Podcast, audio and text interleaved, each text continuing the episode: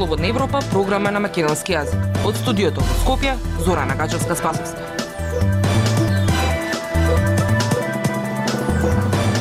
Почитувани, ја слушате емисијата на Радио Слободна Европа. Во неа објавуваме. Нема купувачи за становите од над 2000 евра квадрат. Третина од новите станови зјаат празни. Министерството за образование крчка нов закон за учебниците, додека учениците и натаму учат без сите потребни учебници годинава. Македонија е една од ретките земји кои на Украина ни донираше воени авиони. Слушајте на. Независни вести и анализи за иднината на Македонија на Радио Слободна Европа и слободнаевропа.мк.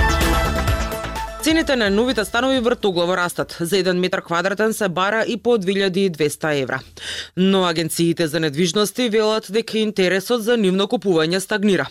Обштините од почетокот на годинава издале речиси двојно повеќе дозволи за градба во однос на предходната. Статистиката покажува дека една третина од становите се празни. Анализата за оваа тема ја подготви Јасмина Јакимова.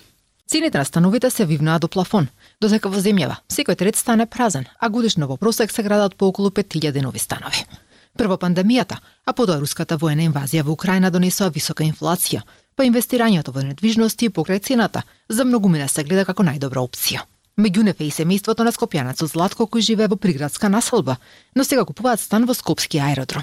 40 годишникот за РСЕ вели дека вака станот ќе остане за децата, а во спротивно заштедените пари ќе можат да бидат изедени од инфлацијата. Имаш некој динар на страна, не знаеш да преш со него, го вложиш у недвижен имот, па може ќе ти донеси бенефит некој си од кирилот ренту. Скопјанецот објаснува дека оваа одлука е донела пред две години, кога првпат склучиле договор за станот по цена од 1000 евра за квадрат, но изградбата доцнела па компанијата лани им ја покачила цената за уште 300 евра. Прифатиле затоа што веќе било тешко да се најде стан на посакуваната локација, исплашени од уште поголемо поскапување. Цените на становите драстично порасна изминатата година. Според податоците на Народната банка, во последниот квартал лани становите поскапале за дури 20%. Во последната деценија цените најниски беа во 2017-та, откога почнува трендот на раст кој кулминираше лани. Никола Вилковски од групацијата за градижништво при Стопанската комора не е изненаден од поскапувањето, но дециден да е дека тоа е нереално. Вели дека во бизнисот со градижништво сега главни се инвеститорите, а не големите градежни компании. Па нивен основен мотив е профитот. Мислам дека не може да се покачува цената, али да се симне, па и тоа, тоа сум сигурен дека нема да ја симнат цената. А сегашните цени не се уопште одраз на некои поскапувања на речете на влезни материјали, некои влезни цени или работна рака или Овој парадокс се случува во период кога во земјава се намалува населението, а во повеќе од третина од становите не живее никој. Тоа го покажаа податоците од последниот попис, спроведен во 2021 година. На 300.000 станови се празни, меѓу кои скоро 60.000 само во Скопје. Во исто време, пописот покажа и дека во изминатите 20 години бројот на станови бил зголемен за дури 20%. Неголемиот притисок за купување станови е во Скопје, посебно на атрактивни локации, односно што поблиску до центарот на градот. Цените се астрономски и до 2200 евра за квадрат, што веќе почна да влијае на поборувачката, укажува Лидија Смилкова од Агенцијата за недвижности Асторија. Се качија цените луѓево што мора да купат купија, сега во моментот е стагнирано бидејќи цените се стварно високи, а за тие од 2200 па и баш нема интерес. Не може цените да се ставаат така без основ. Ајде да разбираме новата градба да биде нешто поскапа, меѓутоа цените скокна и на старите станови. Во меѓувреме во Европа се забележува стагнирање па и пат на цените на недвижностите, кои расте во последните неколку години. Раст на цените пак има во регионот, ама како што појаснува градежникот Велковски, и таму состојбите се слични како во Македонија. Се тенчат атрактивните локации, се шират само најголемите градови, а најважна девиза е профитот. Радио Слободна Европа, светот на Македонија. Учебната година наскоро ќе заврши, а учениците се уште немаат добиени учебници по англиски јазик. Ниту учебниците за трето и шесто деление по новата програма не стигнаа до учениците.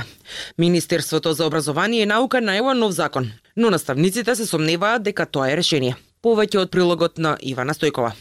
Пропустите со учебниците, Министерството за образование ќе ги решава со нов закон за учебници. Она што е предвидено да се постигне со новиот закон е да се скратат роковите за да нема доцнење на учебниците, но и да се постават повеќе филтри при изработка и одобрување на содржината. Велат од МОН, изработката на законот е се уште во почетна фаза при што се прибираат предлози и забелешки од експертите. Министерството очекува наскоро да биде објавена и првата нацрт верзија.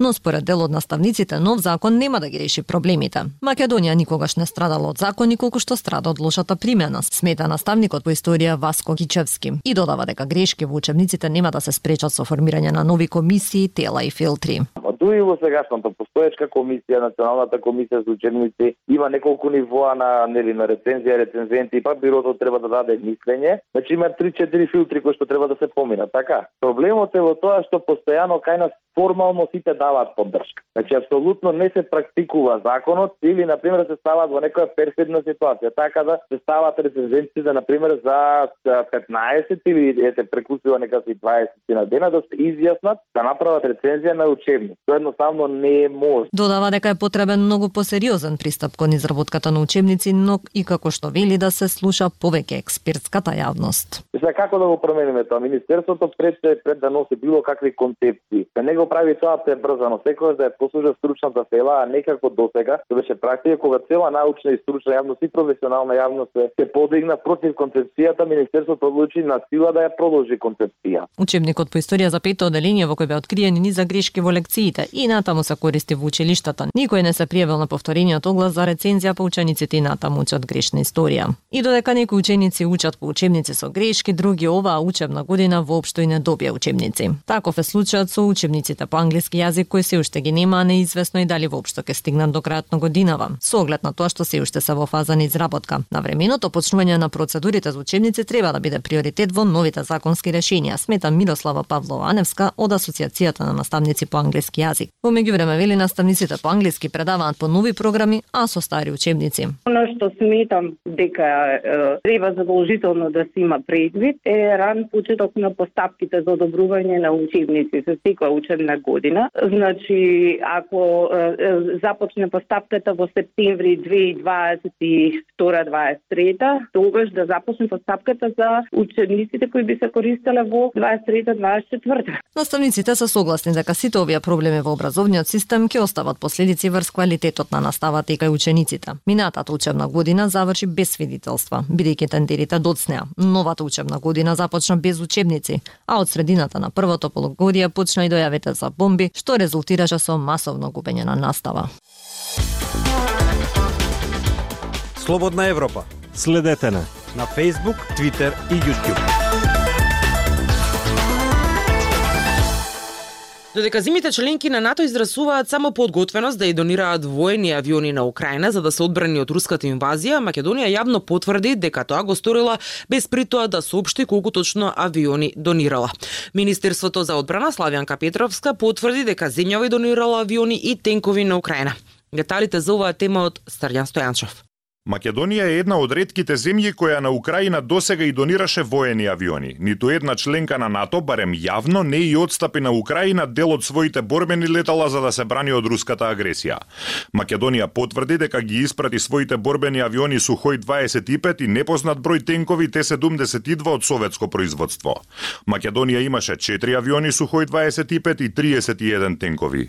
Пензионираниот полковник во Арама и председател на Балканскиот форум за безбедност Благоја Марковски вели дека Македонија со донациите доби многу на својот авторитет. Македонија доби во смисла на потврдување на својата определба, стратешка определба за мир во светот и од друга страна доби како авторитетна земја која на вистина се залага за сета э, структурална, би рекол, политика која ја водат и НАТО и Европската Унија. По руската инвазија врз Украина која почна минатата година, Западот и помага на Украина да се одбрани и испраќа разни видови оружје како и други видови помош.